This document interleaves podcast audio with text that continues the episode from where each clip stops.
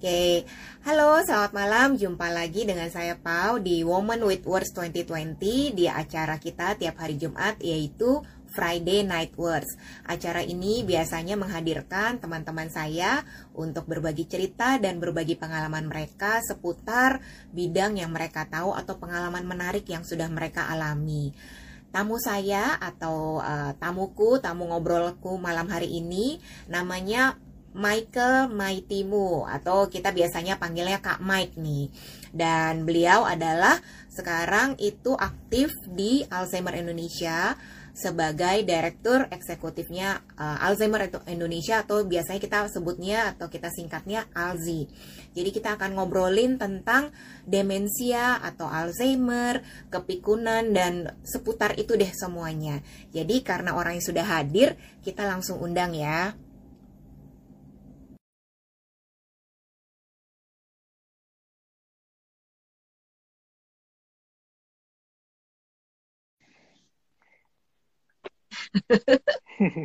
selamat malam. Halo, selamat malam. Wah, keren sekali itu bajunya. Iya, uh, matching sama dengan background belakangnya nih Kak Pau. Oke, oke teman-teman, ini perkenalkan teman saya, teman ngobrol saya malam hari ini, namanya Michael Maitimu. Nanti nama lengkapnya silakan dijelaskan daripada saya salah nyebut ya, salah salah bacain gitu ya. Uh, tapi kita akrab boleh panggil beliau dengan nama Kak Mike. Kenapa dipanggil kakak bukan adik gitu ya? Karena uh, karena dia usianya di atas saya. bisa aja nih kapal ini. Enggak ya. Kalau karena gini, teman-teman, uh, teman-teman apa di lingkungan Alzi atau Alzheimer Indonesia itu kita biasanya menyebutnya sesama teman-teman Alzi itu dengan sebutan kakak ya. Uh, peduli lebih tua atau lebih muda atau sama, jadi biar equal dan biar akrab dan biar selalu semangat muda terus kita panggilnya dengan sebutan kakak. So Mike, selamat malam. Thank you for saying yes. Iya, selamat malam Kapau dari Woman with Words. Wow, ini luar biasa banget nih. Acaranya baru kali ini diundang nih. Sehat-sehat oh. Kapau? sehat, puji Tuhan. Mike, gimana? Ya, sehat, puji Tuhan juga nih. Lagi mempersiapkan beberapa hal. dalam oh, beberapa hal penting ini. ya? Iya.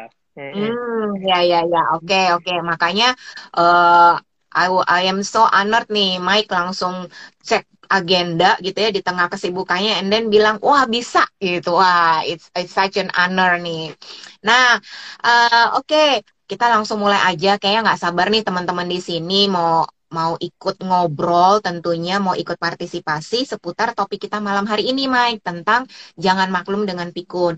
Tadi aku yeah. udah jelasin sedikit siapa ini Michael, tapi uh, pingin dong denger dari Mike-nya langsung, boleh nggak uh, kenalan sama kita-kita ini? Silakan Mike. Oke, terima kasih Kak Pau. Selamat malam semuanya teman-teman dari Woman, Woman with Words. Ini uh, the, uh, triple W ya, ini kalau misalnya disingkat. Iya, iya, www. Ya.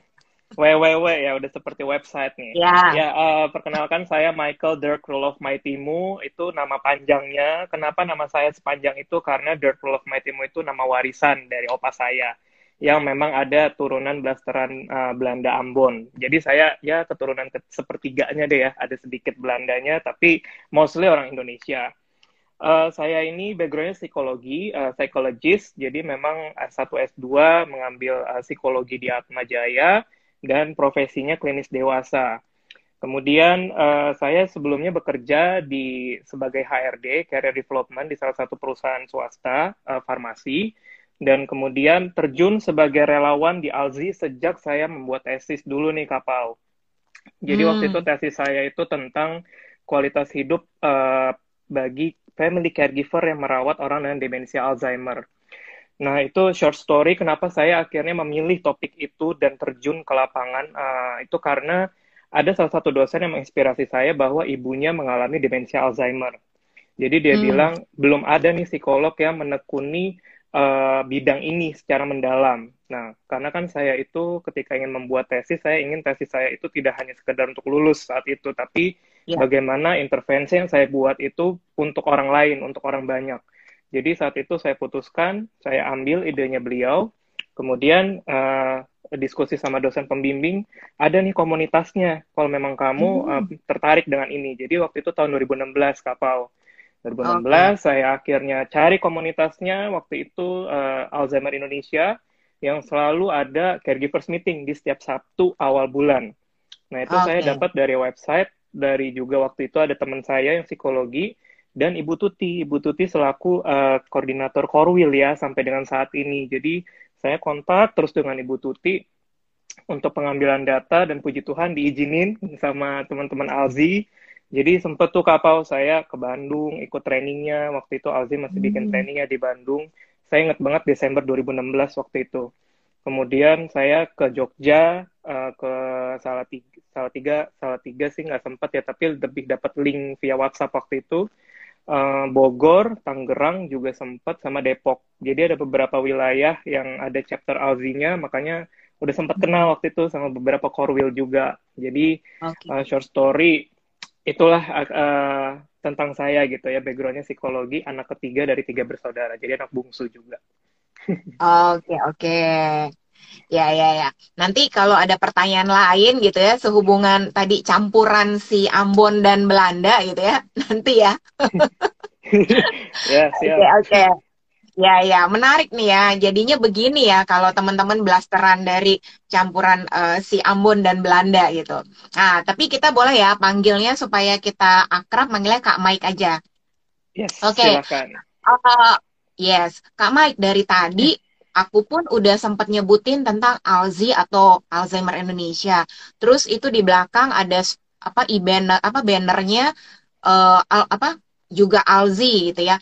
Mungkin teman-teman di sini rasanya pasti masih banyak yang uh, kurang familiar apa itu Alzi sih sebenarnya uh, benda apakah itu gitu. Boleh jelasin sedikit nggak uh, Kak ke kita? Ya, oke. Okay. Alzheimer Indonesia atau yang disingkat dengan Alzi adalah organisasi non-profit yang memiliki visi untuk meningkatkan kualitas hidup orang dengan demensia atau kita sebut dengan ODD, kemudian uh, caregivers, family caregivers, dan juga para keluarga lintas generasi di Indonesia. Jadi Alzheimer hmm. Indonesia atau ALZI ini sudah berdi, uh, mengalami transformasi. Jadi sebelumnya ya. itu ada uh, organisasi Asosiasi Alzheimer Indonesia di tahun 2000 oleh para dokter-dokter waktu itu spesialis uh, geriatri dan juga saraf dan psikiatri dan kemudian bertransformasi nih kapal di tahun 2013 terbentuklah Alzheimer Indonesia. Di tepatnya di 3 hmm. Agustus 2013. Jadi tahun ini udah 8 tahun.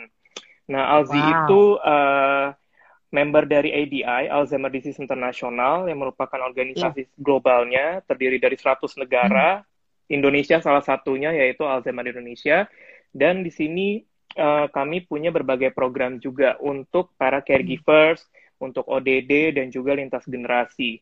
Ada programnya kami kenal, uh, kami sebut dengan CEO, jadi Community and Communication, kemudian E-nya Education, okay. dan O-nya Outreach. Dan itu kegiatannya mm -hmm. karena sejak tahun lalu udah pandemik nih Kapau, kami ubah yeah. dalam bentuk online.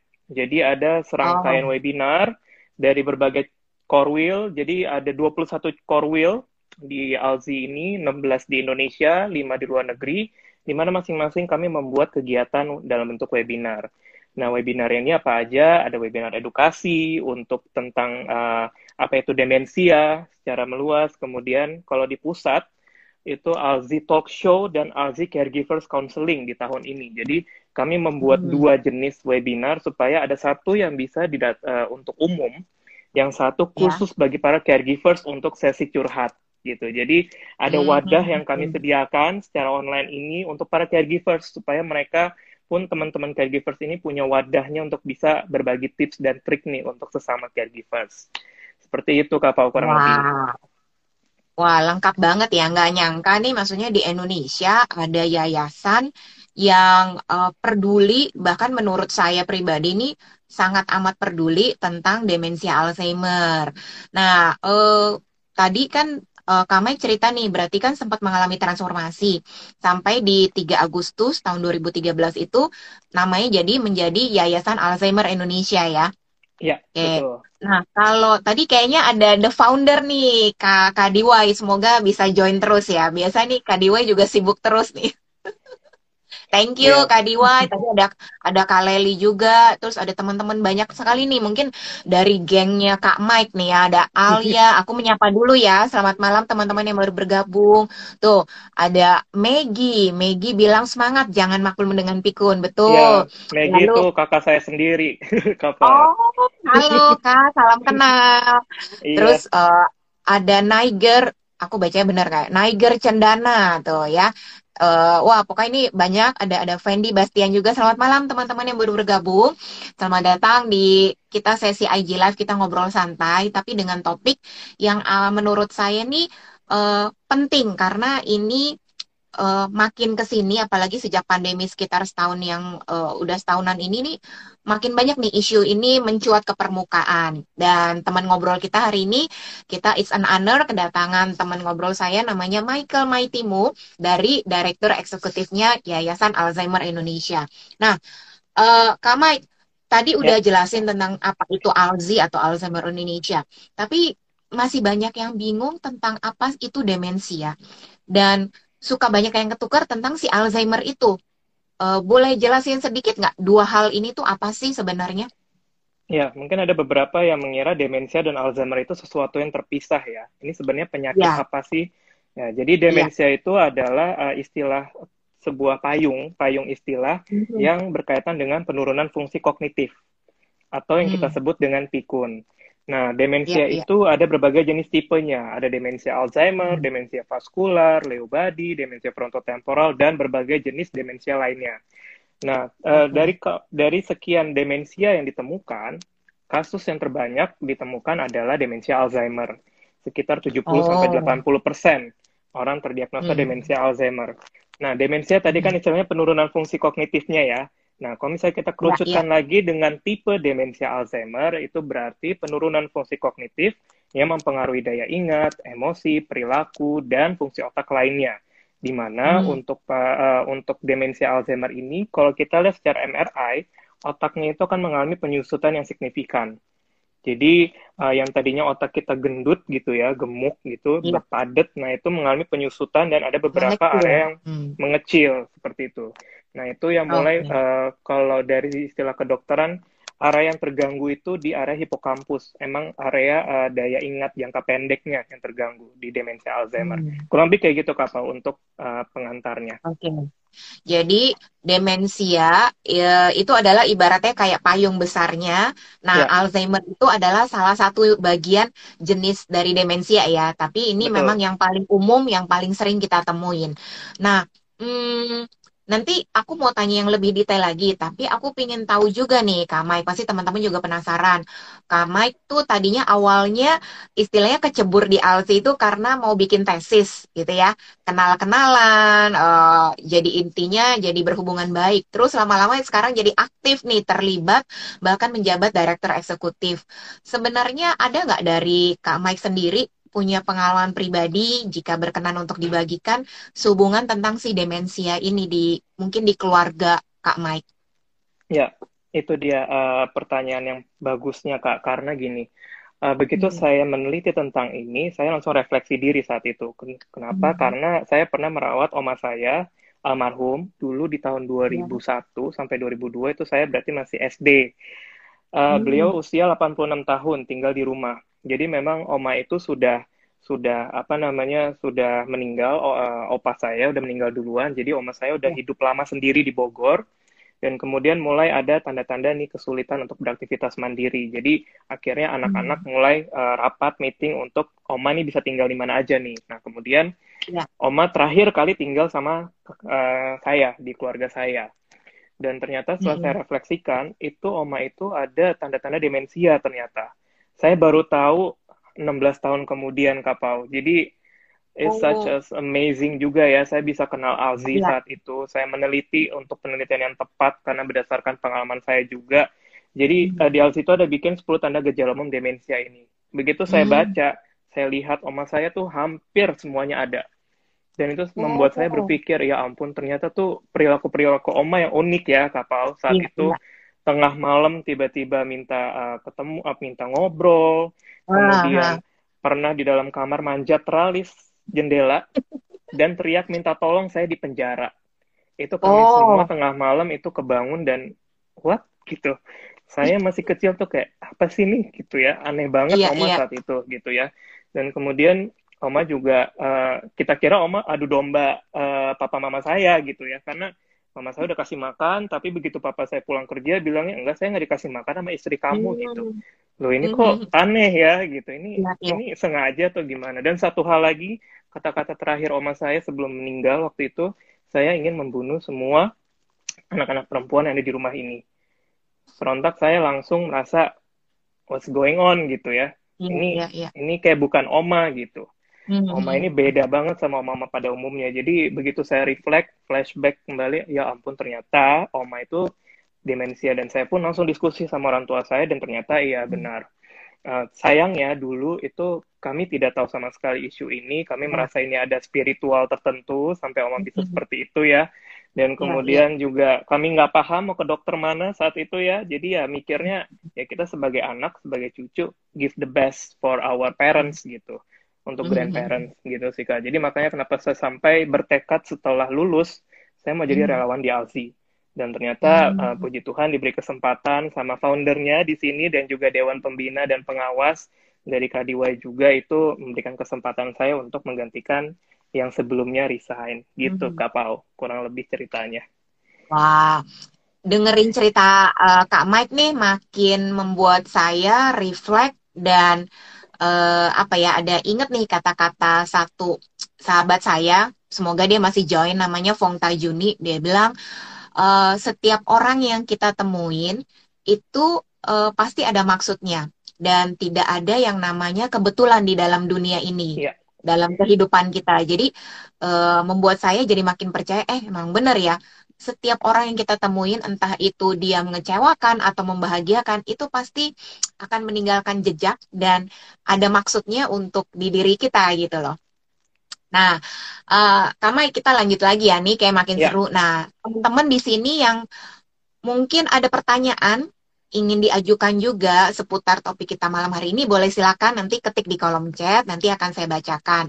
Uh, Nah, tadi udah sharing, thank you banget, udah sharing tentang pengalaman pribadinya Kak Mike. Um, menarik sekali. Tadi kan banyak sekali nih ada 10 tanda ya, 10 gejala. Boleh yeah. share kah uh, dari 10 gejala itu yang paling sering umum nih? Kalau Kak Mike kan berarti udah hari-harinya ibaratnya nih nafasnya udah udah seputar Alzi terus ya seputar demensia. Jadi pasti udah sering denger nih orang curhat ke Kamai atau apa pun itu. Apa sih sebenarnya Kamai gejala yang orang paling sering alamin? Ya, kalau dari 10 tanda itu yang paling umum pertama gangguan daya ingat. Daya ingat uh, khususnya informasi yang baru aja terjadi kayak misalnya lupa taruh kunci di mana, kemudian juga ah. kita baru uh, tanya apa, kemudian ditanya lagi berulang kali, itu ya, itu yang pertama. Kemudian yang kedua itu sulit fokus. Jadi untuk aktivitas keseharian udah mulai sulit, kayak memasak, cara mengoperasikan telepon, yang tadinya hmm. bisa nyetir, kemudian jadi sulit nyetir. Dan yang ketiga ini, yang uh, belakangan ini juga sering saya dengar, itu ada disorientasi waktu dan tempat. Jadi udah bingung Maksudnya akan waktu. Itu? Disorientasi hmm. itu ada kesulitan, kebingungan. Ini hari ini hari hmm. apa ya? Kemudian mereka berada di mana ya? Saya nggak tahu nih saya ada di mana ya. Banyak kali ditemukan uh, lansia yang hilang belakangan ini yang saya uh, tahu dari hmm. info-info baik dari teman-teman komunitas lansia di dekat saya itu juga ada. Jadi uh, tiga hal ini yang sering umum terjadi belakangan ini. Gangguan daya ingat, sulit fokus, dan disorientasi. Kebingungan okay. akan waktu, hari, dan juga lokasi tempat uh, ia berada. Ah, oke okay, oke. Okay. Dan pasti masih ada uh, banyak gejala umumnya lain ya. Tapi ibaratnya nih yang top top 3 adalah aku ulang ya, lupa, gangguan ingatan berarti ya. Terus uh, sulit fokus dan yang ketiga adalah dis disorientasi waktu dan tempat. Nah, uh, aku tiba-tiba jadi keinget nih Kak Mike, banyak ada beberapa temen yang suka nanya ke aku uh, bilang ke gini, kalau kita suka lupa Padahal saya masih muda nih. Uh, kayak lupa apa ya, taruh karcis di mobil. Iya. yeah. ya, ya, saya saya mau cerita sedikit nih. Suami saya saya nggak tahu ya dia join atau enggak ya. awal-awal kami menikah, uh, apa ada ada istilahnya keseruan dalam rumah tangga kami adalah soal penempatan taruh karcis nih kalau keluar dari mall gitu. Uh, dan tadi Mike sebut, sempat bilang juga kayak lupa naruh kunci di mana, kunci rumah atau kunci mobil. Yeah. Nah, nah ngomongin soal lupa lupa menaruh barang atau lupa menyimpan suatu barang, aku mau nanya nih karena banyak yang curhat ke aku. Pau, kalau aku sering lupa, ini padahal aku masih usianya 30-an, 40-an, belum sampai lansia loh.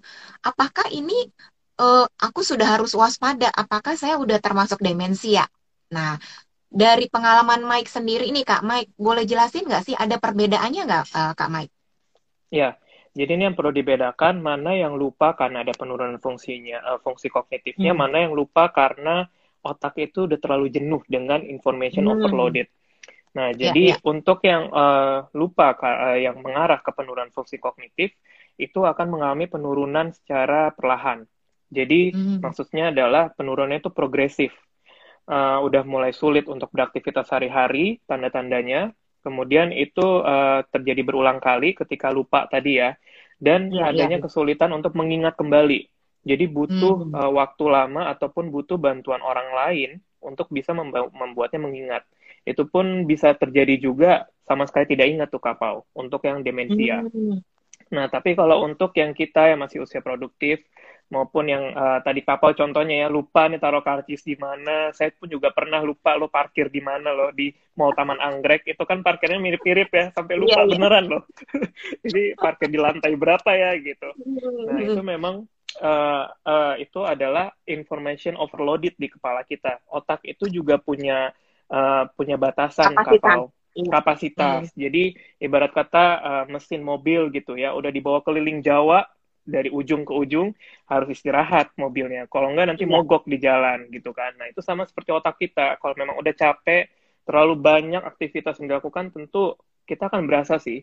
Uh, misalnya kepala itu agak panas gitu ya, atau mulai pusing gitu kan. Pernah kan ya ngalamin uh, kepala itu panas iya. gitu ya sama yeah, pusing yeah. atau enggak mata udah mulai pening. Nah, itu udah tanda-tanda dari otak kita sebetulnya untuk ayo dong istirahat gitu, jangan dipaksa. Mm. Uh, ibarat kata istirahat relaksasi 3 sampai 5 menit itu cukup gitu. Yang penting otak itu ada ada uh, istilahnya refreshment kembali. Kayak spons mm. sabun nih cuci piring, kalau yang senang cuci piring ya, atau yang pernah cuci piring uh, ya, itu iya, spons sabun tuh kalau udah terlalu berat karena isi sabun kan perlu kita peres ya sampai dia akhirnya mengembang lagi nah itu sama seperti otak kita kalau udah terlalu penat secara psikologis itu juga perlu mm-hmm. di refresh lagi gitu jangan dipaksa itu sih mm. bedanya ya ya ya jadi nih kalau teman-teman yang baru bergabung barusan saya memberikan pertanyaan nih Kak Mike uh, karena banyak yang nanya ke saya juga uh, saya masih muda gitu ya, mereka mengakui masih muda, tapi kok uh, sering lupa naruh barang atau nyimpen barang di mana. Nah, mereka tuh khawatir gitu, nanya apakah mereka udah termasuk disebut demensia atau enggak. Nah, tadi Kak Mike menjelaskan kepada kita, jadi harus dilihat nih, apakah e, ibaratnya si lupanya itu kita bisa apa trace back nggak? Kita inget-inget lagi nggak? Atau totally kita blank? uh, apa sih yang kita barusan ambil atau apa sih yang barusan kita simpan di mana. Nah, itu jadi harus dibedakan. Itu. Nah, uh, aku penasaran lagi nih. Nanti teman-teman boleh dong ya kalau ada yang mau tanya-tanya juga ya, uh, ketik di kolom chat. Kalau misalnya udah kejadian nih, uh, bukan kejadian deh. Kita kan semua orang bilang lebih baik mencegah daripada mengobati. Nah, ngomong-ngomong untuk pengobatan, eh, ap apakah demensia ini sampai sekarang ini ada obatnya bisa disembuhkan atau bagaimana nih Kak Mai? Ya, kalau berdasarkan penelitian memang ini ada temuan terbaru sih ya dari Amerika hmm. bahwa ada nih obat untuk demensia. Nah, tapi itu masih jadi pro dan kontra juga karena uh, hasilnya itu untuk mild cognitive impairment atau atau kita sebutnya handaya kognitif ringan prademensia. Tapi iya. sebenarnya yeah. uh, untuk obat itu sampai dengan sekarang yang sudah ada itu uh, belum untuk menyembuhkan kapal. Jadi obat hmm. yang ada untuk memperlambat progresivitas penurunan fungsi otak. Makanya dari kami di Alzi ini uh, kita lebih mengedepankan uh, promotif preventif Jadi ya. sebisa mungkin kita preventif, tetapi bagi yang sudah demensia, bagaimana kita mempertahankan kualitas hidupnya supaya tetap aktif dan hmm. produktif. Dan di situlah peran Alzi hmm. berada di tengah-tengah uh, komunitas buat ODD maupun lansia dan lintas generasi. Jadi uh, sebenarnya kalau dari kita treatment itu lebih banyak hal yang sisi non farmakologi. Non farmakologi dalam arti kata bukan dengan obat, tetapi dengan aktivitas bermakna yang bisa dilakukan apa. Misalnya bagi lansia ataupun demensia yang senang berkebun, kita berikan wadahnya. Kemudian bagi yang hmm. sekarang karena COVID-19 ini uh, jarang ketemu dengan keluarga, bikin waktu untuk teleponan dengan cucunya atau dengan keponakannya atau dengan saudara kandungnya bahkan gitu ya. Dan juga berbagai kegiatan lainnya yang benar-benar bisa meningkatkan kualitas hidup. Kualitas hidup di sini hmm. bukan berarti dari sisi kesehatan secara fisik tetapi mental juga kemudian finansial juga dan lain sebagainya gitu. Jadi secara holistik. Di situlah peran Alzi kita untuk membantu mendukung meningkatkan kualitas hidup tadi. Sebelum nah. lanjut nih Kak, aku mau menyapa nih di sini ada Ibu Beth, boleh, ada boleh, Kak Erna, boleh, silakan. Kemudian ada Sarah, ada uh, Natasha, ada Tadi ada Kak, Kak Tita juga. Iya. Ada Kak Tita di awal-awal ya. Tentunya yeah. Kak iya. Diwai Suhareni yang selalu ada, selalu mensupport. Terima kasih juga Kak Diwai.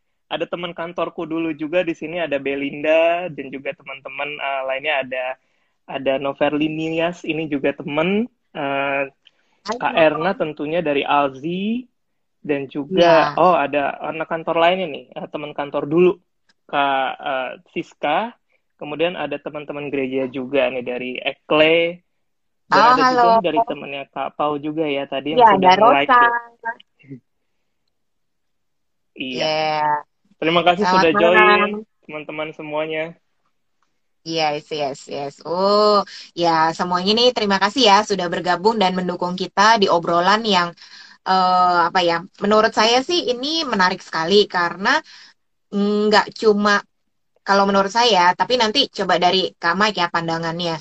Demensia atau penurunan uh, daya otak atau fungsi otak ini bukan cuma urusan si kita nyebutnya tadi apa ODD ya. Jadi teman-teman kita menggunakan istilahnya ODD, orang dengan demensia. Uh, bukan hanya tentang si ODD, tapi berkaitan dengan kayak istilahnya tuh, aku inget banget Kak Diwa itu menggunakan istilah ini, demensia is everyone business. Dan menurut ya. aku benar sekali. Bukan Betul. cuma ODD, tapi urusannya tuh satu keluarga, bahkan satu negara. Kayak gitu. Nah, jadi tadi kan uh, Kak Mike juga ngomongin tentang uh, non farmakologis nih. Jadi kalau untuk teman-teman di sini yang masih usianya produktif, masih bahkan 20, 30, ini ada nggak sih tips-tipsnya nih cara untuk mencegah uh, untuk nanti supaya kita nih pas di usia lansia bisa mencegah kena si demensia ini, Mike? Oke. Cara mencegahnya ya, kalau misalnya dari menurut Kemenkes itu ada iya. pencegahan yeah. dari sisi untuk penyakit tidak menular secara umum. Jadi penyakit tidak hmm. menular seperti hipertensi, diabetes, termasuk kognitif yaitu demensia. Caranya ini yeah. dengan cara cerdik kalau kita singkatnya. Ada singkatannya cerdik. cerdik. Nah, okay. yang C yang pertama itu adalah cek kesehatan rutin. Kalau misalnya untuk yang sudah berusia prademensia, kapal mungkin belum ya, pra, eh, pralansia sorry, usia pralansia. Kapal belum yeah. ya. Jadi untuk usia pralansia itu usia 50 tahun 50 tahun ke atas itu udah mulai untuk cek gula darah, cek kolesterol, mm. uh, yang biasanya ada umumnya di puskesmas. Nah itu perlu dicek kesehatan rutinnya. Kemudian kolesterolnya, uh, kemudian apakah ada hipertensi, diabetesnya bagaimana dan lain sebagainya. Yeah. Itu yang C. Nah yang E-nya itu adalah enyahkan asap rokok. Nah, okay. hanya asap rokok kenapa? Karena memang kandungan nikotin kalau misalnya bagi kita yang uh, pro, uh, yang menjadi perokok pasif ya katanya itu akan jauh lebih berbahaya yeah. dampaknya dibandingkan perokok aktif ya. Tapi untuk hal itu hmm. dua-duanya tetap saja perlu kita cegah, perlu kita anyahkan. Yang kedua. Nah, terus yang ketiga hmm. R, uh, rajin berolahraga, rajin beraktivitas. Nah, rajin berolahraga ini yang disarankan adalah uh, melakukan olahraga selama 150 menit per minggu dan itu bisa dibagi-bagi terserah waktunya seperti apa Oke. supaya badan itu dan juga jiwa raga itu juga bergerak gitu semuanya. Hmm. Ini yang juga masih saya lakukan, saya coba lakukan juga nih kapal di tengah-tengah kesibukan ya. Karena uh, thanks to COVID-19 juga secara tidak langsung saya juga ada waktu untuk olahraga di rumah gitu karena kan Hmm. biasanya seharian itu uh, bekerja ya di luar. Nah, Iya. kemudian yang D, diet seimbang. Nah, diet seimbang ini bukan berarti kita langsung apa uh, berubah pola makan dan lain sebagainya, tetapi kita lihat dulu nih uh, konsumsi yang kita makan itu apakah punya dampak ke penyakit-penyakit lainnya seperti apakah cukup karbohidratnya, protein kita Hmm. dan lain sebagainya. Kemudian yang I uh, itu istirahat cukup. Nah, ini yang Oke. menjadi tantangan nih buat usia-usia produktif untuk yang area I. Kenapa? Kenapa Karena tuh? area ini kita yang selalu kerja nggak hanya 9 to 5, bahkan 9 to uh, 9 to 9, bahkan sampai lebih dari 12 jam, sampai lupa lah istirahat, Mhm. lupa makan dan lain sebagainya. Hmm. Istirahat ini sangat penting karena uh, menurut berbagai dokter yang sudah pernah uh, menjadi narasumber, istirahat 8 jam, 6 sampai 8 jam itu memang sangat penting. Kenapa? Karena di jam 11 sampai jam 3 pagi itu adalah waktu tubuh kita mengeluarkan zat-zat racun. Makanya kenapa Hmm. setiap pagi kita ada kencing, ada buang air besar, Iya. karena semua racun itu keluar di pagi hari. Nah, bagi yang suka Hmm. begadang, itu kan kadang-kadang ada orang yang makan ya tengah malam ya. Jadi numpuk lah Iya. uh, lemak di tubuh dan itu belum sempat diproses sama tubuh. Nah, itu kurang lebih seperti itu Oh. untuk sisi medisnya. Makanya istirahat itu tetap penting buat kita tidak hanya untuk pembuangan tubuh tetapi juga untuk kesehatan otak gitu. Hmm. Pernah nggak sih Kapa mengalami kalau misalnya kita kurang tidur pagi-pagi tuh kayak loading lemot gitu ya. Kayak misalnya kita kok mau ngomong Iya, itu iya. susah gitu ya, mau mikir tuh susah. Itu karena otak kita belum sempat beristirahat. Nah, yang Hmm. terakhir nih yang Kak nih, kelola stres. Nah, Oh, kelola stres ini eh, bukan berarti kita nggak boleh stres. Stres boleh, karena itu part of Hmm. our life gitu ya. Iya, Tapi iya. bagaimana stres itu kita kelola agar jangan sampai mempengaruhi produktivitas kita gitu. Hmm. Nah, cara mengelolanya gimana? Setiap orang itu punya caranya masing-masing sebetulnya. Ya. Misalnya bikin me time sendiri, punya hobi, Hmm. uh, jalan-jalan misalnya, atau cukup mendengarkan musik misalnya membuat dia tenang. Nah, itu udah cukup gitu. Jadi dengan Hmm. cara cerdik inilah yang menjadi uh, himbauan pemerintah dan juga di Alzi pun juga sebenarnya terpakai ya untuk hal ini karena Hmm. memang relate gitu dengan kehidupan kita Ya. setiap hari. Dan yang terpenting adalah untuk kita yang masih usia produktif dan anak muda ini, bikinlah aktivitas, uh, punya waktu untuk aktivitas bermakna yang meaningful. Sorry, ya Hmm. aktivitas yang meaningful tadi. Iya, Kenapa? iya, iya. Karena di situlah uh, kita mulai menginvestasikan diri kita dari sejak sekarang agar apa yang kita miliki sekarang ini berdampak ke di waktu yang akan datang. Hmm. Aktivitas itu apa aja? Hobi baru Ya. ataupun uh, uh, aktivitas sama orang tua itu juga penting gitu untuk kita di waktu yang akan datang. Hmm. Kurang lebih seperti Nah. itu. Ini ada Kahandikin juga ya ada join. Oh, oke. Dia nyaut. Nah, Kak Mike, Ya. aku mau baca ini satu pertanyaan menarik. Nah, ini dari Nover Linias. Ini dari temennya Kak Mike kah atau apa nih? Iya. Oke, Iya. aku bacain ya. Halo Kak Mike, mau tanya ya, aktivitas apa yang baik diberikan kepada ortu, jadi ortunya sudah pensiun, agar tidak mengarah ke demensia? Karena perkembangan teknologi sekarang, banyak orang tua jadinya suka main HP, gitu ya. Karena mungkin di rumah aja udah, eh, Pa, Ma, jangan keluar-keluar nih COVID, gitu. Ujung-ujungnya jadinya nunduk terus nih, eh, main gadget, lihat di. HP. Nah, Any suggestion nggak nih?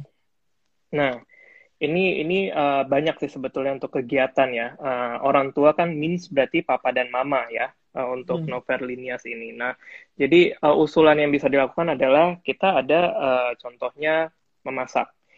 Hmm. Orang tua itu suka hobinya apa? Misalnya masak kue aja gitu. Itu kan juga suatu aktivitas yang bermakna yang dilakukan. Mhm. Misalnya dalam satu minggu ada satu waktu bikin kue yuk bareng gitu Mhm. bikin uh, apa menu baru yuk bersama-sama. Nah, itu perlu dari kitanya sebagai anak yang berinisiatif untuk mengajak orang tua. Oh. Nah, kemudian yang kedua, kalau memang di rumah suka nonton uh, Netflix ataupun nonton YouTube atau apa, nonton bareng gitu.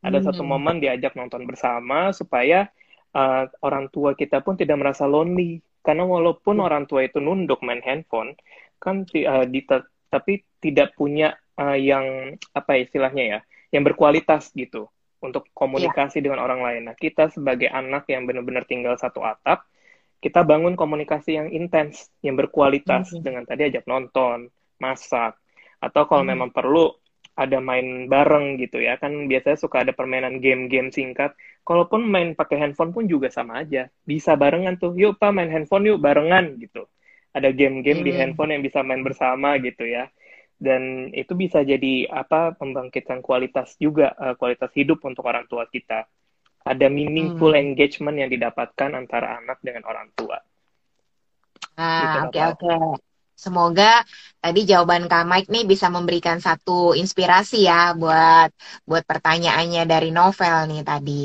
Nah, ngomong-ngomong tentang loneliness nih, aku baru keingetan. Jadi ada uh, ada satu dan dua temanku deh ya. Akhirnya mereka cerita uh, sebenarnya ini kejadiannya sudah sebelum pandemi, tapi semakin semakin ibaratnya nih semakin uh, meledak itu pada saat pandemi gitu bahwa beberapa uh, bukan beberapa ya bahwa orang tuanya itu akhirnya mengalami penurunan fungsi kognitif tadi yang kami cerita itu dan setelah diperhatikan mungkin anaknya ada beberapa ya mereka mengobservasi. Akhirnya orang tuanya cerita bahwa mereka they feel lonely yang tadinya hmm. mungkin masih bisa keluar rumah ya uh, ngobrol sama sesama teman-teman apa jalan pagi nih sesama opa-opa gitu ya atau bisa antar jemput cucu misalnya atau nganterin les. Tapi karena pandemi kan nggak sekolah cucunya. Nah mereka akhirnya jadi banyak di rumah dan they feel lonely karena tidak bisa iya. dipungkiri yeah. pasti anaknya juga harus tetap kerja ya di usia produktif nah Tuh. Eh, fenomena seperti ini memang bisa kalau tidak kita cari solusinya dan yang tadi saya bilang, karena demensia ini is everyone business ya, Kak Mike ya. Jadi bukan cuma soal si ODD-nya aja atau si lansianya aja, tapi butuh tadi Kak Mike kasih ide. Si anak, si cucu di rumah itu, atau bahkan karena sekarang ada teknologi, jadi jangan dijadikan alasan ya wah saya kan nggak bisa jaga prokes nih nggak bisa apa yeah. bersilaturahmi sama orang tua nih gitu hmm. jadi pokoknya zaman hari gini nggak boleh jadi alasan tidak bisa bersilaturahmi walaupun secara online gitu ya kak Mike ya betul karena kita juga menyarankan nih Kak Pau untuk anak-anak hmm. uh, diajarin orang tuanya untuk bisa nge-zoom atau Google oh. Meet oh dan lain sebagainya. Kenapa? Karena itu juga penting sebagai saran orang tua kita menggantikan yang dulunya fisik ke online. Mungkin nggak oh. mudah, mungkin iya, nggak yeah, mudah, yeah. tetapi perlu meluangkan waktu untuk mengajarkan itu ke orang tua supaya nanti orang tua bisa mengajarkan ke teman-temannya juga yang sebaya. Jadi mereka pun ada ada teman ya, maksudnya yeah. uh, misalnya berdua deh WhatsApp call dulu nih dari berdua jadi berempat ini seperti MLM yeah, ya. Iya, Tapi yeah. maksudnya seperti itu ya kak. Jadi ada ada kualitas hubungan juga nih dari orang tua ini mm-hmm. nggak hanya sibuk seorang diri, tetapi yeah, yeah. tetap ada dalam komunitas gitu dengan teman-teman RT kah atau dengan teman-teman uh, organisasi dan lain-lainnya. Mm-hmm. Oke oke. Jadi intinya teman-teman bahwa kita ingin mengencourage ya uh, Kak Mike bahwa uh, yuk kita anak-anak, mantu, cucu di usia yang masih produktif, uh, walaupun di tengah kesibukan kita apa pun itu, um, apa ya, uh, cari waktu, sediakan waktu untuk menghubungi, mengontak, orang tua kita gitu ya Kak Mike ya. Yeah. Jangan di jangan sampai mereka they feel lonely dan akhirnya sendiri-sendiri nunduk terus lama-lama jadi uh, ya itulah uh, apa ibaratnya jadi cepat lupa dan sebagainya. Nah, Kak Mike, aku mau nanya lanjut nih. Yeah. Ya. Uh, ini juga banyak yang karena tanya-tanya ke aku, jadi daripada salah jawab, aku tanya ini ke Kak Mike dari Alzheimer Indonesia. Karena kalau dulu situasi bukan pandemi, misalnya ada orang tua sakit gejala apa kita tinggal bawa ke dokter atau yeah. ke klinik terdekat.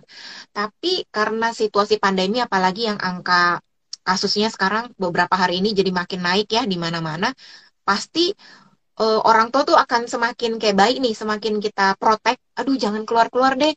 Uh, kalau nggak nggak urgent-urgent banget, nggak usah yeah. ke rumah sakit gitu misalnya. Mm. Nah, tapi kondisi mereka tuh menunjukkan beberapa gejala, misalnya yang tadinya suka ngobrol, jadinya sekarang pendiam. Yang tadinya masih bisa mengoperasikan handphone, tapi kok tiba-tiba nanya lagi, nanya lagi, dan nanya lagi seperti itu. Atau tiba-tiba kayak marah-marah nggak jelas. Nah, yeah. jadi mereka bingung kan, ini harus nanya ke siapa? Kalau dulu kayak tadi Kamai cerita, zaman dulu nggak bisa konsultasi, ini ini nenek saya kenapa begini gitu ya. Nah, Betul. kalau sekarang nih, dari Alsi bisa nggak kasih informasi ke kita kalau ada teman-teman yang mengalami seperti ini di rumahnya harus ke mana dan apakah Alsi ada layanan yang bisa membantu ini Kak Mike? Oke, jadi di layanan Alzheimer Indonesia kami ada namanya Care Navigator. Nah, hmm. uh, Care Navigator ini adalah layanan konsultasi online. Kalau misalnya bahasa umumnya itu telemedicine ya, yang uh, eh, okay. sekarang mulai banyak berkembang di berbagai aplikasi maupun di rumah sakit juga.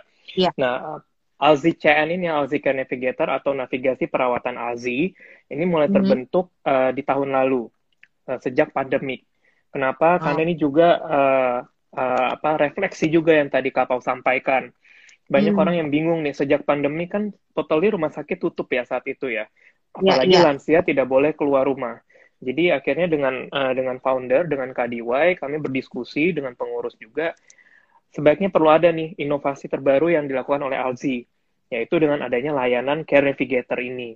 Jadi mm -hmm. Care Navigator ini layanan konsultasi online untuk keluarga bisa berkonsultasi dengan dokter spesialis yang adalah rekanannya Alzi dengan caregiver. Jadi akan ada caregiver Alzi yang memang sudah berpengalaman yang akan memandu sesi tersebut. Jadi hmm. nantinya uh, cara-cara seperti apa itu akan bisa nanti disampaikan oleh hotline Alzi di 0811 822 594. Nanti akan saya chat di sini supaya ya. nanti kakak-kakak, bapak ibu yang nonton ini dan membutuhkan layanan bagi setelah demensia apa yang harus dilakukan ya.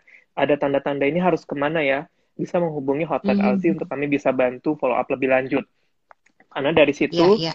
Uh, kita memberikan dukungan secara komunitas kalau memang ada yang memerlukan screening, uh, screening kognitif hmm. tadi ya Kak Pau ya, apakah ini kira-kira hmm. nih ada tanda-tanda nggak ya? Dan apabila tanda-tanda yeah. itu lebih jelas dari screening, nanti kita akan mencoba uh, memberikan advice dengan cara hmm. uh, mungkin perlu uh, apa namanya lab, uh, cek lab, kemudian mungkin yeah. tes MRI, ataupun mengunjungi rumah sakit dengan dokter kanan Alzi yang sudah ada jadwalnya gitu, yang akan kita coba uh, hubungkan supaya nanti mendapatkan uh, benar-benar diagnosa yang tepat berdasarkan hasil dari pengecekan yang uh, dilakukan bersama-sama melalui Care Navigator ini. Jadi memang ini hmm. merupakan solusi dan juga jawaban yang Alzi buat supaya untuk uh, komunitas kita di Alzi ini maupun orang-orang yang belum pernah mengenal Alzi pun juga terbantu dengan adanya hmm. media ini, Kapau. Wah, jadi ini kita bersyukur banget ya.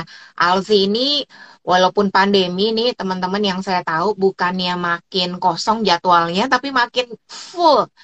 Uh, ya. dan tidak ada alasan karena kalau dulu setahu saya kan kegiatannya bertemu sebulan sekali uh, di satu tempat ya. Tapi justru karena pandemi itu tidak menghentikan semangat teman-teman di Alzi untuk terus melayani.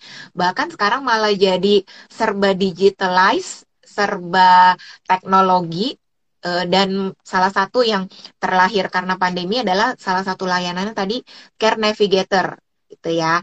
Jadi teman-teman oh. nanti yang mau tahu lebih lanjut bisa follow uh, eh, IG-nya Alzheimer Indonesia, Alzi Indonesia atau kontak juga WhatsApp ke hotline-nya Alzi. Nanti Kak Mike boleh bantu ketik ya di sini ya. Jadi teman-teman yeah. bisa langsung save.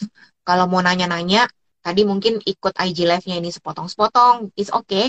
Nanti aku akan masukin juga ke IGTV dan nanti bisa uh, kontak nih langsung ke hotline LC di jam kerja, nanti akan dibantu kebutuhannya apa. Nah, oke okay, oke, okay. itu menarik sekali nih, karena paling enggak uh, mengurangi rasa kebingungan nih, benar nggak ya?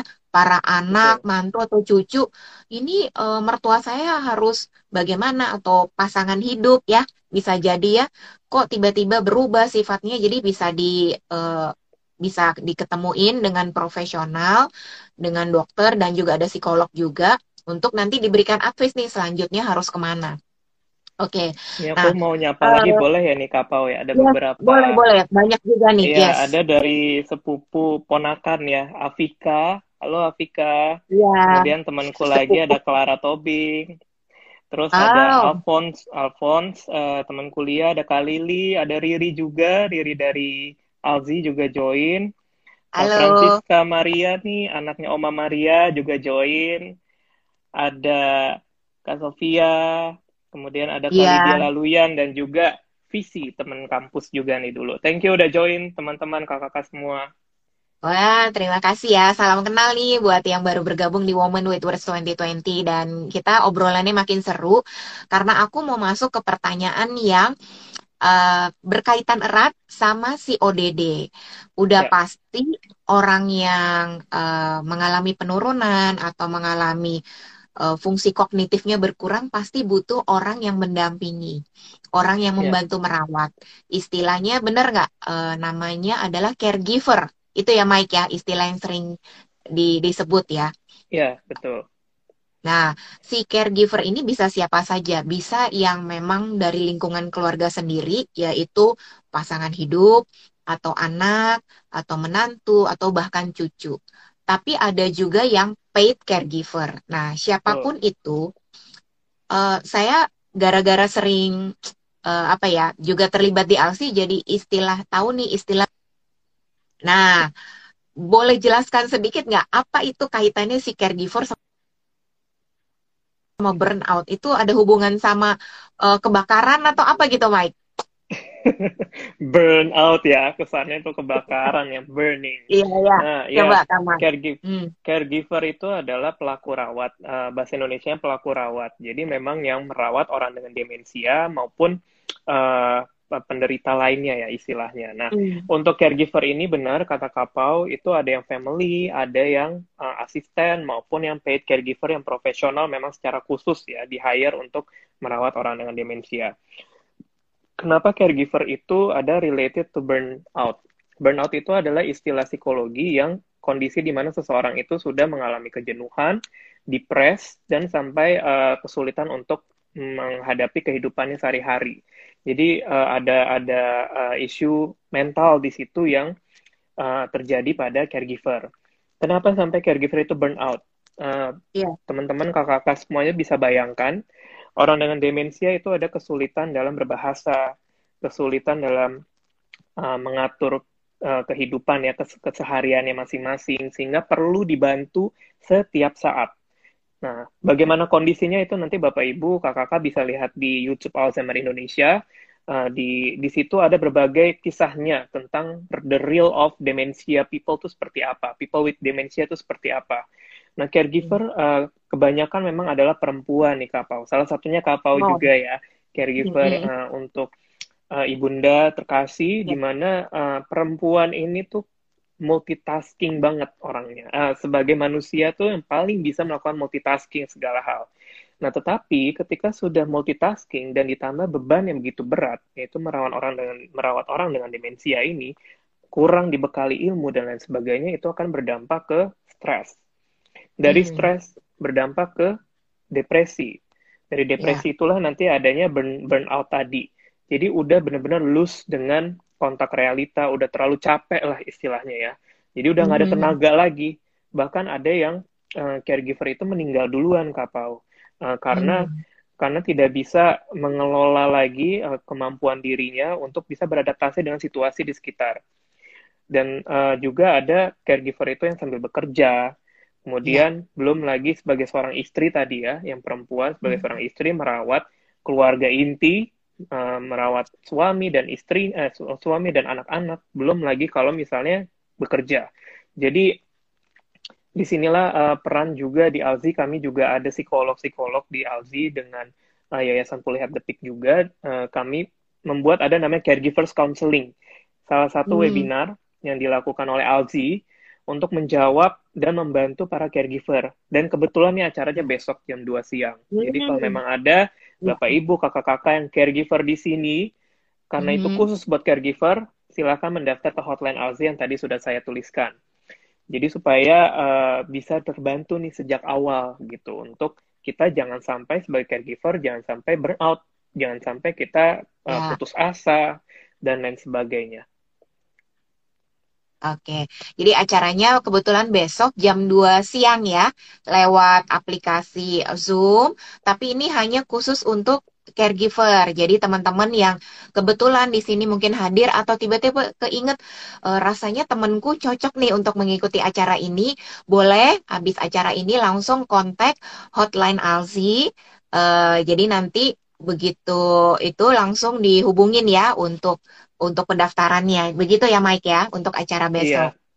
Iya, kebetulan okay. bocorannya yang jadi hostnya adalah Kapau juga. Aduh, terima kasih banyak Kapau buat waktu dan tenaganya serta supportnya untuk Alzheimer Indonesia. Sama-sama Mike, karena hmm, teman-teman aku mau cerita sedikit sih. Jadi ah, si Mike-nya kasih bocoran sih ya. uh, karena tadi Kamai cerita satu satu perkataan yang menarik sih bahwa uh, apa ya soal caregiver ini yang sesuatu yang sering kita underestimate dalam arti kita tuh ya. selalu mikirannya bagaimana cara merawat ODD. Bag pokoknya apalagi kita di budaya timur uh, merawat, mengabdikan diri, berbakti posisi anak ke orang tua atau pasangan hidup itu adalah sesuatu yang saklek tidak bisa di ditawar-tawar lah seperti itu yeah. ya. Mungkin lain uh, agak sedikit berbeda value-nya kalau di dunia budaya barat saya juga kurang tahu. Nah, saking kita terlalu mengagung-agung karena saking terlalu value-nya itu kuat, kita jadi lupa nih si caregiver ini. Dan ujung-ujungnya tadi yang the sad story yang benar kata Kak Mike bilang, bahkan ada yang sampai dia yang sakit duluan, uh, sakitnya lebih parah duluan, bahkan ada yang bahkan sampai meninggal dunia duluan. Nah, uh, ya. padahal ibaratnya mungkin dia pasti uh, masih banyak orang yang membutuhkan dia kan, mungkin pasangan hidupnya, anak-anaknya masih kecil gitu. Nah, itu yang menggerakkan hati saya karena pengalaman saya juga punya ibu yang demensia. Jadi bagaimana nih sebanyak mungkin orang bisa teredukasi nih Kak Mike dan teman-teman tentang si demensia Alzheimer ini. Karena kelihatannya dari tadi kita mungkin ketawa-ketawa ya Mike, tapi sebenarnya kalau teman-teman uh, kita mendengarkan nih cerita dari para caregiver ya, itu cerita real, tidak dibuat-buat, tidak ada skenario. Uh, aku boleh bilang bahwa demensia ini mungkin bukan penyakit, tapi memang ini gejala.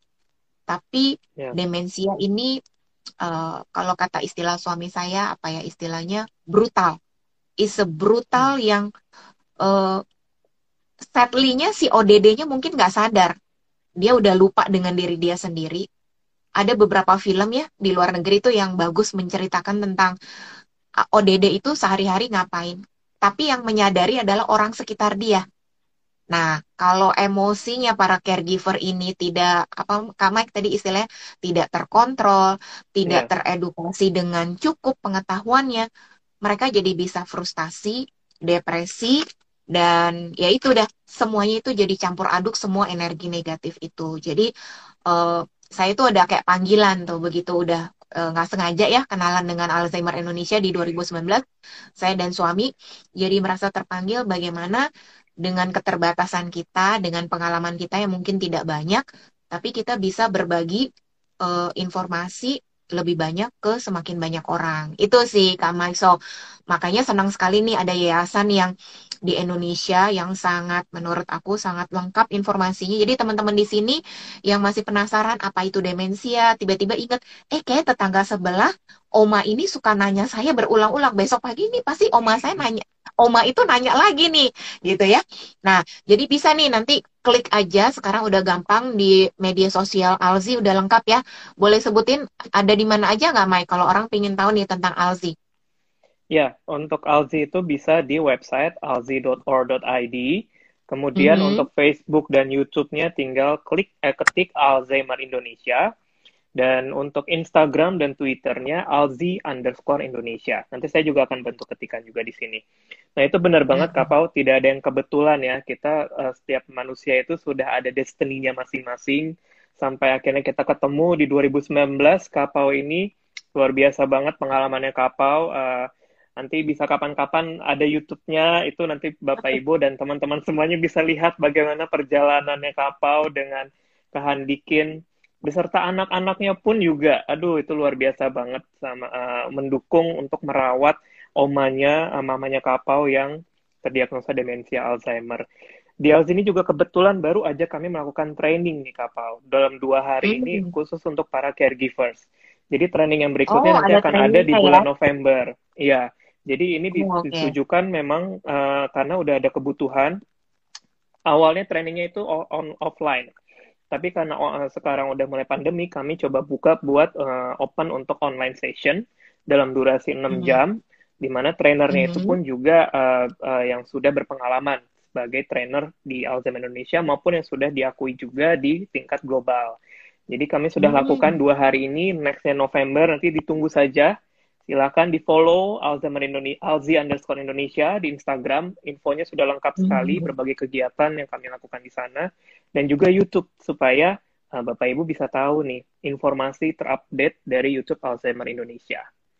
Hmm. Nah, Mike, aku mau nanya nih, pengalaman ya. sebagai uh, apa ya direktur eksekutif di ALSI pasti kan dengar banyak cerita atau bahkan ada ngeliat dengan mata kepala sendiri pada saat melakukan kunjungan gitu ya atau apa um, ada nggak pengalaman yang paling tidak terlupakan gitu yang kayaknya bikin bikin Kak Mike tuh tetap semangat nih dalam melayani uh, tugasnya ini gitu ibaratnya panggilan ini ada nggak boleh share satu gitu ke kita? Iya, Kapal. Uh, saya tuh uh, terakhir itu mendapat kesempatan waktu itu ke Lombok, di mana uh, di sana hmm. itu kita bertemu dengan lansia-lansia di pinggiran pantai. Jadi memang untuk kelasnya itu lo, uh, kelas menengah ke bawah ya di sana. Dan ketika kita screening, uh, di sana tuh ada kita melakukan kegiatan perilaku hidup bersih dan sehat (PHBS). Kenapa kita melakukan itu? Karena memang masyarakat di sana uh, agak minim terkait dengan kehidupan pola bersih yang sehat gitu ya. Jadi kita kerjasama dengan uh, ketemu dengan gubernurnya saat itu dan juga uh, kepala dinas kesehatan dan kepala dinas sosial kunjungan langsung ke lapangan ke Gerung. Uh, nama nama hmm. desanya Desa Gerung. Okay. Di situ ada lansia itu uh, kita bisa bayangin ya untuk mereka sebelum makan mereka harus mencicipi garam dulu supaya setiap makanan yang mereka makan itu ada rasanya. Dampaknya oh. apa? Dampaknya itu uh, hipertensinya tinggi, uh, darah tinggi jadinya. Pas lagi dicek mm -hmm. sama uh, suster tenaga kesehatan datang juga puskesmas, wah itu tensinya tinggi-tinggi karena itu. Dan yang kedua kita mencoba melakukan screening kognitif. Dan uh, uh, sedihnya adalah kita punya beberapa dugaan juga sih kapal ini antara hmm. memang dari segi pendidikan yang memang kurang atau kognitifnya yang mulai berkurang karena uh, ibarat kata kita mencoba menanyakan hal-hal yang baru mereka udah keburu takut pertama ya karena melihat kita tuh mereka takut kak melihat orang luar ataupun dokter gitu ya datang hmm. mereka ketakutan karena aduh saya mau dicek apa ya segala macam gitu jadi hal ini berdampak ke hasil screeningnya juga. Jadi kita pun jadi ragu oh. ini ada penurunan kognitif nggak ya sebetulnya, karena udah ada sisi psikologisnya itu. Jadi akhirnya ya. uh, kita juga selain ke situ uh, kita edukasi tenaga kesehatan puskesmas yang ternyata masih banyak yang belum tahu tentang demensia. Di situ kita bersyukur hmm. juga dapat kesempatan uh, dan juga beberapa pemerintah juga yang kita kunjungi dan hasilnya adalah pemerintah juga mau bantu komit untuk menyebarkan isu demensia ini ke masyarakat di Lombok supaya uh, in, edukasi ini pun semakin merata sampai ke masyarakat-masyarakat pinggiran khususnya di uh, perbatasan pantai tadi. Iya, iya, iya. Wih, luar biasa. Mike, tahu nggak nih kayak vaksin, orang grogi dulu uh. gitu ngelihat jarum suntiknya, jadi tensinya langsung tinggi. betul, betul, betul. Iya, iya, iya, iya. Nah, apalagi eh, nggak uh, usah jauh-jauh, ibu saya aja waktu kemarin vaksin aja grogi karena tiba-tiba ngeliat banyak orang kan ya. banyak orang cemas tinggi, tensinya tinggi, jadi butuh istirahat dulu 15 menit baru akhirnya bisa divaksin. Iya, iya, iya, benar-benar banget. Oke, oke.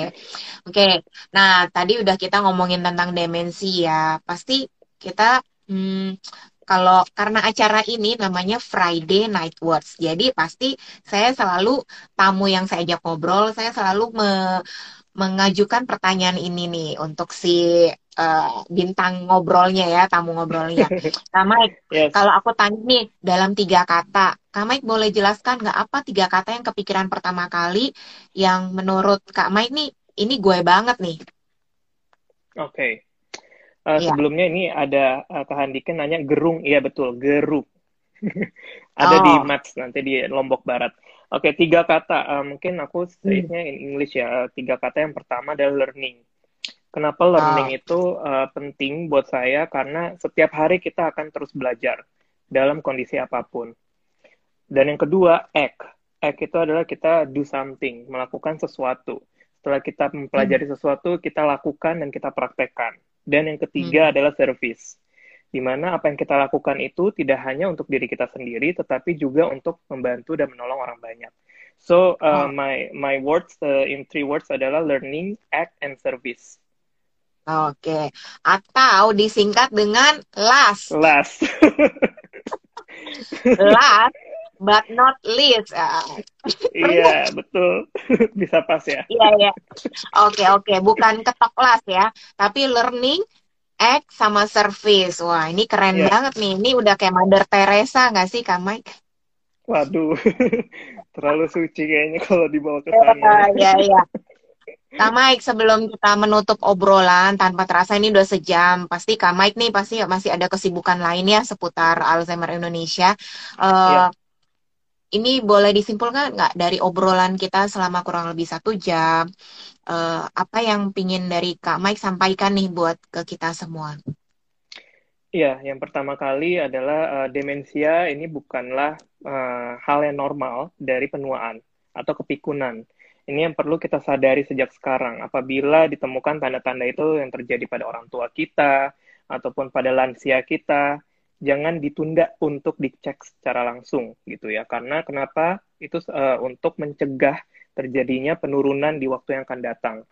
Dan yang kemudian yang kedua nih uh, yang terpenting uh, bagaimana kita meningkatkan kualitas hidup dengan cara melakukan meaningful engagement, meaningful activity bersama dengan keluarga kita karena hmm. saat hmm. pandemi COVID-19 inilah saat di mana selama setahun ini kita memperbaiki kembali hubungan kita dengan keluarga, membuka lembaran baru dengan keluarga, dari yang jauh kita dekatkan semuanya, mau media online, mau media offline, hmm. atau apa pun itu. Supaya apa? Supaya kita pun akan menjadi tua nantinya. Nah, kita mau menjadi tua hmm. yang seperti apa? Dari sekarang inilah uh, investasinya. Itu kapal. Oke, oke. Jadi jangan kita anggap remeh ya dan istilahnya uh, apalagi yang kita mungkin masih tinggal serumah atau tinggal berdekatan lokasinya dengan orang tua kita, kita lebih luang coba luangkan waktu supaya kita jangan terlambat nih melihat perubahan uh, dari orang tua kita atau orang-orang yang kita kasihi gitu ya, Kak Mike ya. ya. Dan, Dan cepat-cepat. Terus jangan terus maklum dengan pikun itu aja. benar benar benar. Jadi jangan jangan anggap rem uh, anggap remeh dengan kepikunan nih. Tapi juga jangan dikit-dikit, waduh ini demensia nggak ya gitu. Jadi kalau misalnya penasaran Tuh. bisa hubungi hotline Alsi buat nanti uh, mengikuti atau join berpartisipasi di sesi Care Navigator tadi. Oke, okay. uh, so Kak Mike, terima kasih sekali lagi atas waktunya di tengah kesibukannya. Uh, semoga lancar semuanya kegiatan-kegiatan Alsi maupun kegiatan pribadinya. Terus ya, terima, um, kasih. terima kasih juga untuk semua teman-teman yang wah ini banyak sekali nih dari teman-teman gereja, teman-teman kampus dan teman-teman saya juga. Terima kasih sudah bergabung di obrolan kita. Uh, besok sudah hari Sabtu, selamat berakhir pekan. Waktunya jangan lupa besok bisa uh, waktu yang baik nih untuk kontak orang tua, orang yang kita kasihi, Betul. just to ask uh, apa kabar, lagi apa, ada kangen pingin makan apa, dikirimin apa gitu ya, Kak Mike ya, dari hal-hal simple seperti itu. Yes. Benar, benar, benar. Yes. Saya Jadi juga terima, terima kasih, kasih. Terima kasih juga Woman with Word 2020. Ini luar biasa banget sesi malam hari ini bersama dengan Kak Pau yang juga uh, inspiratif banget untuk di Alzi, kakak-kakak semua.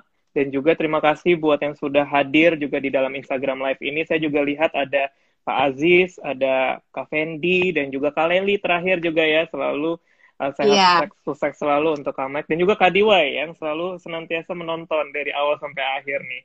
Terima kasih Kak Pau untuk undangannya. Salam sehat selalu juga untuk Kak Pau dan teman-teman Woman with Words 2020 semuanya. Salam jangan